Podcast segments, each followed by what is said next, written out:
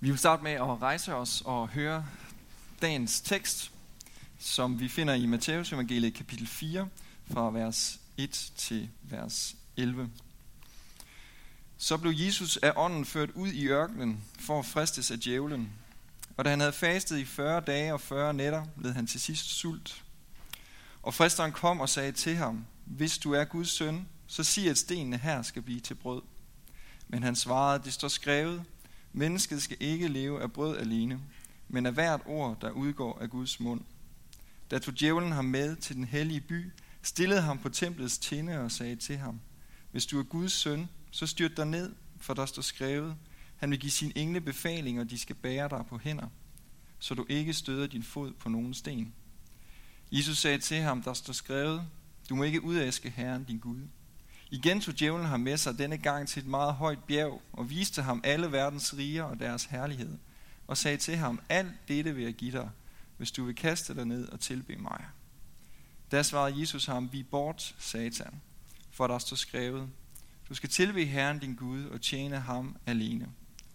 Der forlod djævlen ham, og se, der kom engle og sørgede for ham. Amen.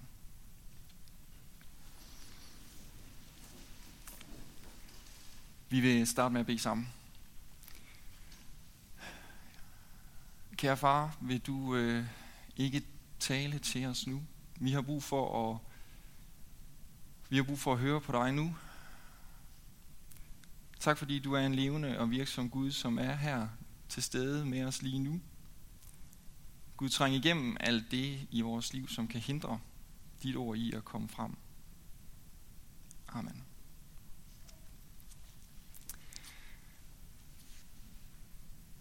Jeg må øh, indrømme, at øh, det, er, det er nogle store tekster, vi skal have fat på i dag.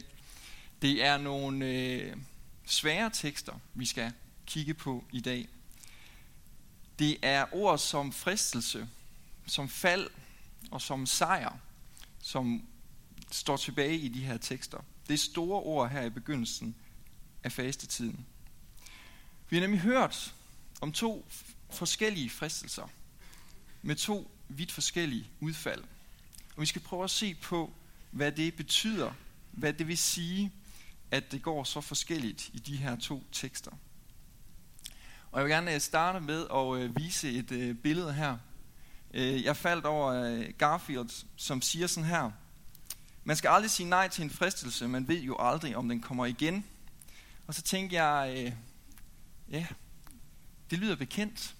Er det ikke sådan, vi tit kan, kan komme til at tænke? Jeg ved det ikke, den, den ramte et eller andet i mig omkring det her med fristelse. Men når Bibelen taler om fristelsen, så er det slet ikke, så er det slet ikke sådan her. Fristelse er ikke, det er ikke noget sjovt, det er ikke noget, jeg bare lige kan slå til. Det er faktisk noget, der er dybt alvorligt, og Bibelen taler meget om, at fristelse er noget, vi må tage seriøst. Og det vil vi se på i dag, hvad det betyder. Fordi Bibelen siger, at fristelse er en virkelighed. Men fristelse fører, og kan i hvert fald ofte føre til synd. Og derfor må vi tage os i agt, når vi møder fristelse. Derfor er det ikke ligegyldigt. Derfor skal vi ikke bare slå til. Der er noget på spil. Jeg vil gerne starte her med øh, beretningen fra Gamle Testamentet. Det er simpelthen fordi, den er, den er så grundlæggende. Og den, den, er, den er faktisk svær selvom jeg tror rigtig mange herinde har hørt den mange gange, så synes jeg faktisk, hver gang jeg læser den, jeg tænker, hvor er det en frustrerende beretning. Hvor er det frustrerende at skulle læse om to mennesker, som fristes og falder. For hvad er det, der sker? Adam og Eva har alt. De er en del af en verden, om hvilken Gud har sagt, det er godt.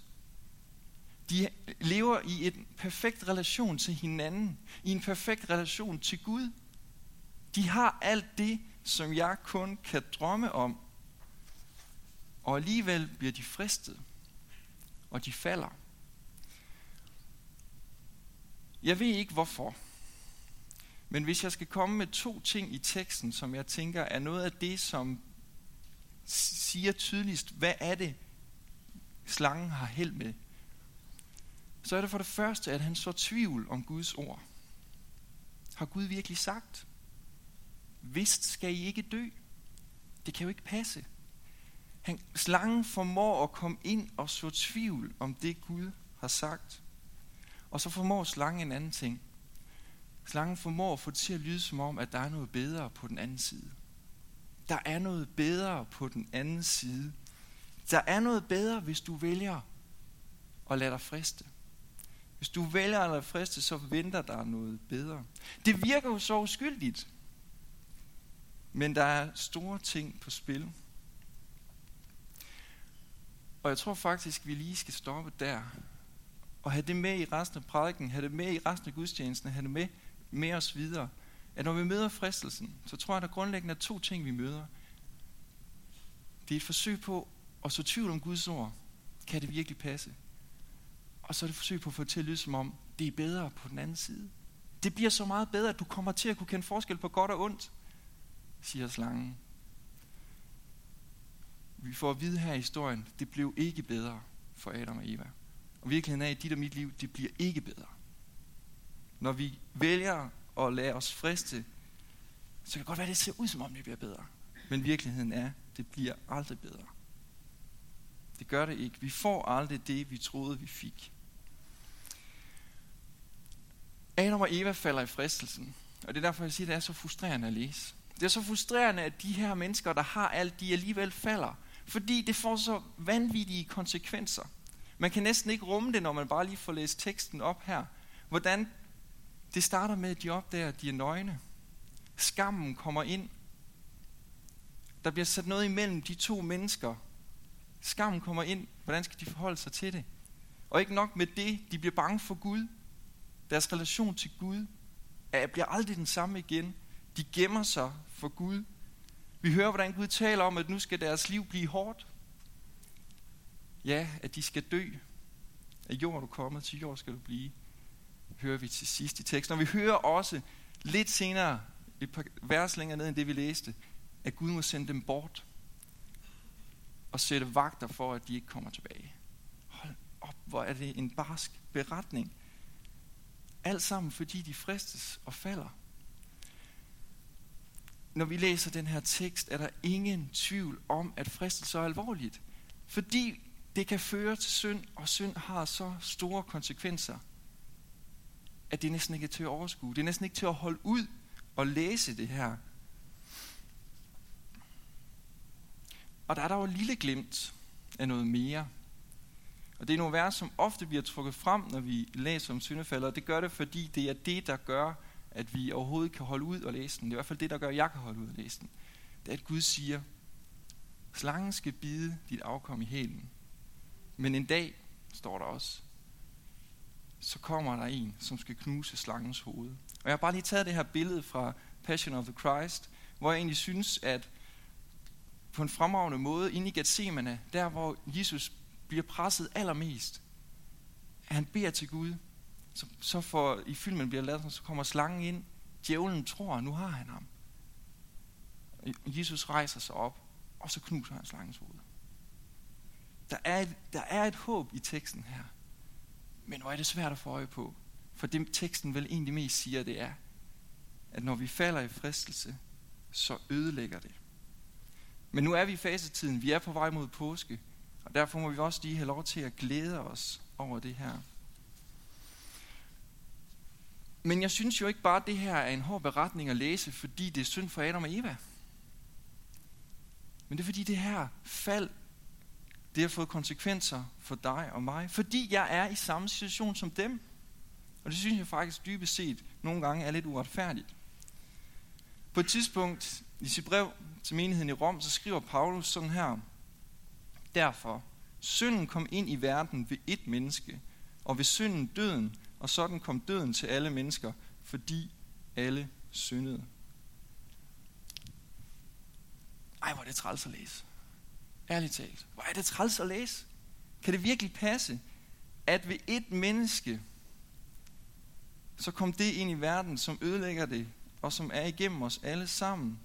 Og vi alle nu står der, væk fra Gud, må skamme os, fordi synden er blevet en del af verden. Det er så frustrerende, og det er så provokerende, at vi må gemme os for Gud og gemme os for hinanden. Fordi vi står her på den anden side af syndefaldet. Vi er også forvist til et hårdt liv. Vi er også forvist til et liv, der ender med døden.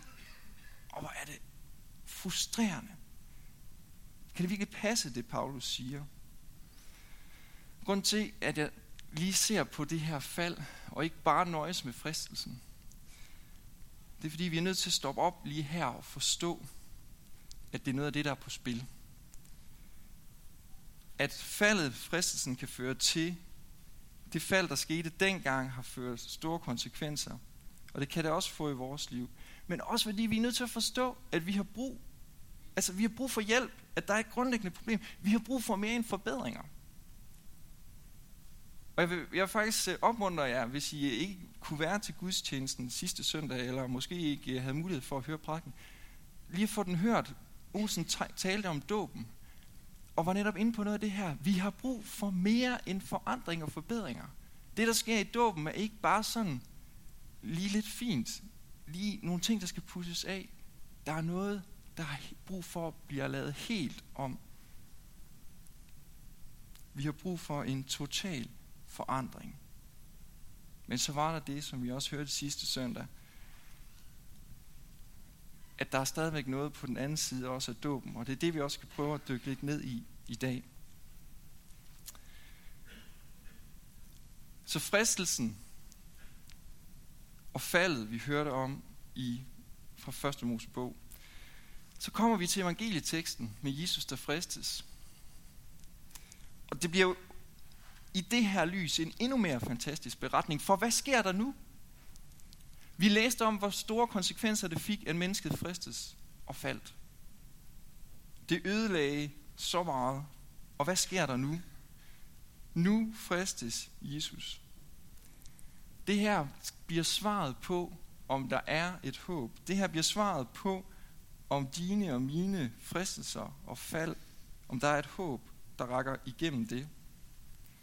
Og derfor synes jeg, det er fantastisk, at de her to beretninger bliver sat sammen, og vi får lov til at se på dem i dag. Vi får lov til at se, hvad sker der så. For Jesus, han modstår fristelsen. Og nu skal vi ikke tro, at Jesu fristelse ikke var særlig hård. Nu skal vi ikke tro, at Nå ja, men Jesus han var også Guds søn. Han var lidt noget særligt. Det har nok ikke været så svært at sige nej. Jesus var menneske ligesom du og jeg, og det bliver vi nødt til at fastholde. Det er, det er Bibelens udsagn, og selvom jeg aldrig kommer til at forstå, hvordan det i praksis fungerer, at være 100% Gud og 100% menneske, så er jeg overvist om, at efter 40 dage i ørkenen, så led Jesus sult på en måde, som jeg aldrig har oplevet. Og han manglede alt, og jeg har aldrig været der. Men jeg ved, at Jesus har været der, og han har været der som menneske. Og hvad gør han så? Han fristes. Og læg mærke til igen, der, det minder om fristelsen tilbage Adam og Eva. Hvad er det, djævlen, fristeren, gør? Han så tvivl om Guds ord. Han begynder at så tvivl om det, Gud har sagt. Og det kommer til at lyde som om, at det bliver bedre, hvis Jesus han gør det, han bliver fristet til. Det kan jo kun blive bedre af, at han får brød at spise. Det kan jo kun blive bedre af, at folk ser ham blive reddet. Det kan jo kun blive bedre af, at han får magt. Det, det, det er vel en win-win, det her. Det er fuldstændig samme mønster. Jeg har lige taget det her billede med fra Peter Massens menneskesøn. Når han skal skitsere det, der sker ude i ørkenen, så skitserer han Jesus som ham, den forreste person, og djævlen, det er den bæreste. Og jeg synes, det rammer noget ret interessant, for hold fast, hvor ligner de hinanden. Fristelsen. Vi kan nogle gange sådan komme til at tale om det som sådan, jamen det er, det er, noget sådan, det, det er bare helt ondt. Det der, det er helt tydeligt. Jamen det er, jeg tror nogle gange, så kommer fristelsen. Det ser bekendt ud. Det ser uskyldigt ud. Det ligner jo noget, jeg lige så godt kunne have sagt. Der er ikke, altså, jeg synes bare, det er en enormt udfordrende måde at visualisere det her på. Djævlen kan godt komme og friste der, i det, som måske slet ikke ser så mærkeligt ud. Måske egentlig med ting, som jeg synes giver god mening. Hvis jeg bare lytter til mig selv. Jesus han modstår fristelsen. Og hvordan gør han det? Han modstår fristelsen ved at svare djævlen igen med Guds ord. Guds ord er det våben, som Jesus han bruger, når fristelsen møder ham. Adam og Eva turde ikke holde fast i Guds ord om, at det var bedst for dem at lade være. De turde ikke holde fast i Guds ord og gøre hans vilje. Og holde fast i at sige, det er det, der er det rigtige at gøre. Men de lod sig lokke. Men Jesus han gør det modsatte. Han holder fast i Guds ord. På et tidspunkt, der bruger Paulus et billede i Efterbrevet, hvor han taler om Guds fulde rustning. Og der siger han netop, at Guds ord er svært. Og det synes jeg netop, vi ser her. Guds ord bliver her svært. Åndens svær, som vi har brug for i kampen. Vi har brug for at kunne svare igen med Guds ord. Vi har brug for at være rodfæstet i Guds ord, når vi møder fristelsen, når vi møder fristeren. For det er det eneste, vi kan holde på i den situation. Vi kan ikke lytte til os selv. Og så har jeg lyst til lige at gå tilbage til Romerbrevet. Og det er fordi, vi hørte, at Paulus her siger, ligesom et enkelt menneskes fald blev til død for alle mennesker. Lige så frustrerende, det er at læse det. Så lige, lige lidt senere, seks vers længere nede, så siger Paulus sådan her, altså, ligesom en enkelts fald blev til fordømmelse for alle mennesker, sådan er en enkelts retfærdige gerning også blevet til retfærdighed og liv for alle mennesker. Hold op. Det er det, der er på spil her. Det er det, der er på spil, når vi hører om, at Jesus modstår fristelsen. Det er, at lige så frustrerende det er at acceptere, at jeg står der på den anden side. Jeg, jeg kan ikke være sammen med Gud, for jeg er en del af Adam og Evas slægt. Lige så fantastisk er det at høre, at Jesu liv bliver til retfærdighed også for mig. Men hvor efterlader det os så? Det har jeg lyst til lige at slutte af med. Hvor, hvor, hvor står jeg så? Hvor står jeg, når jeg møder fristelsen? Hvad er det for en virkelighed, du og jeg lever i? Og jeg har været helt vildt udfordret på det her, den her del af prædiken. For jeg synes, det er helt vildt svært at stå. Fordi evangelieteksten taler jo tydeligt om, at Jesus modstår fristelsen. Og det er jo et fantastisk budskab her, nogle uger før påske, og begynder allerede nu at glæde os over, at Jesus han ikke bare modstod fristelsen der i ørkenen, han levede det syndfrie liv, han gik hele vejen og døde for dig og mig.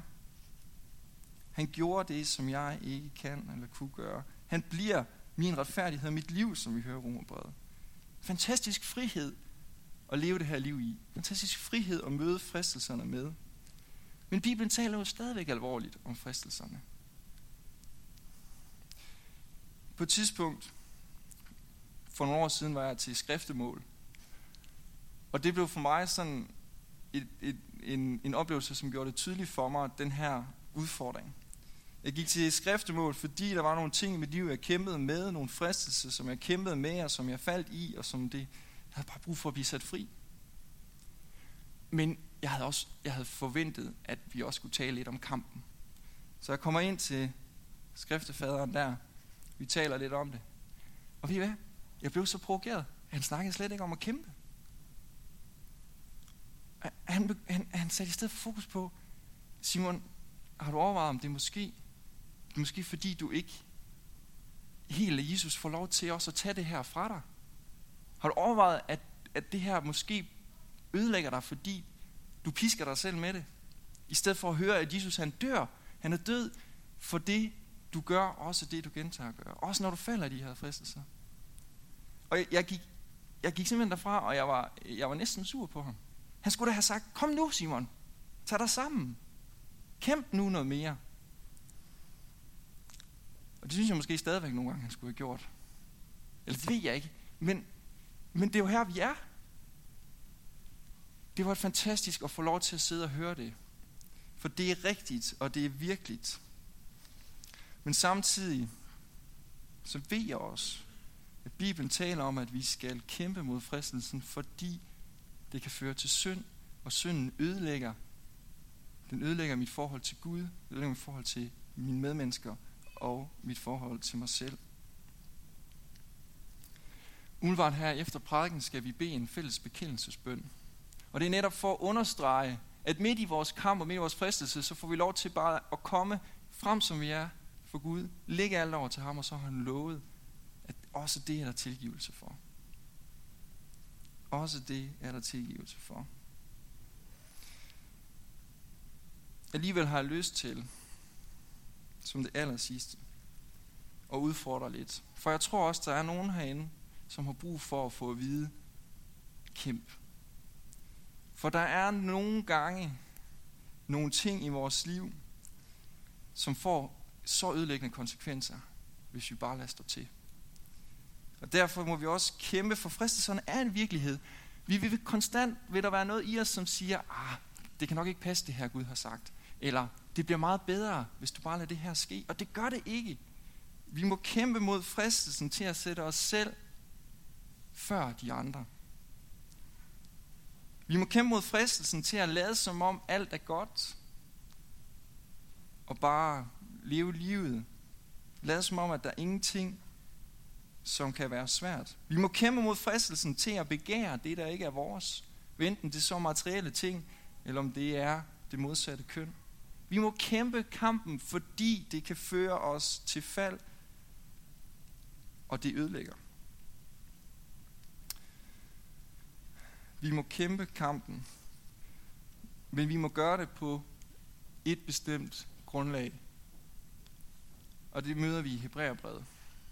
Og det her vil jeg gerne slutte. Og her vil jeg så gerne have, at, vi, at det er det her ord, vi alle sammen tager med fra i dag.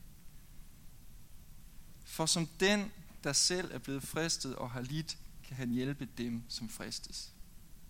Det er der, vi står. Fristelserne er en virkelighed, men Jesus står ikke og venter på, at du fejler, for at kunne slå dig i hovedet. Nej, han ønsker at hjælpe os. Vi må simpelthen lukke Jesus med ind i de her kampe, når vi fristes. Vi står ikke alene i kampen, og det er derfor, vi skal tage kampen. Det er ikke fordi, du skal gøre det. Men du må tage kampen, fordi Jesus ønsker at hjælpe os, ønsker at være der i fristelserne. Vi har en hjælper, der om nogen ved, hvad det her handler om. For han har selv stået der, han har selv været der, og han vandt. Lad os bede sammen.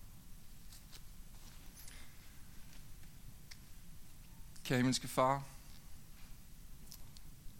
tak fordi, at du modstod fristelsen. Og tak fordi du siger, at du vil hjælpe os når vi fristes. For Gud, hvor har vi brug for din hjælp? Amen.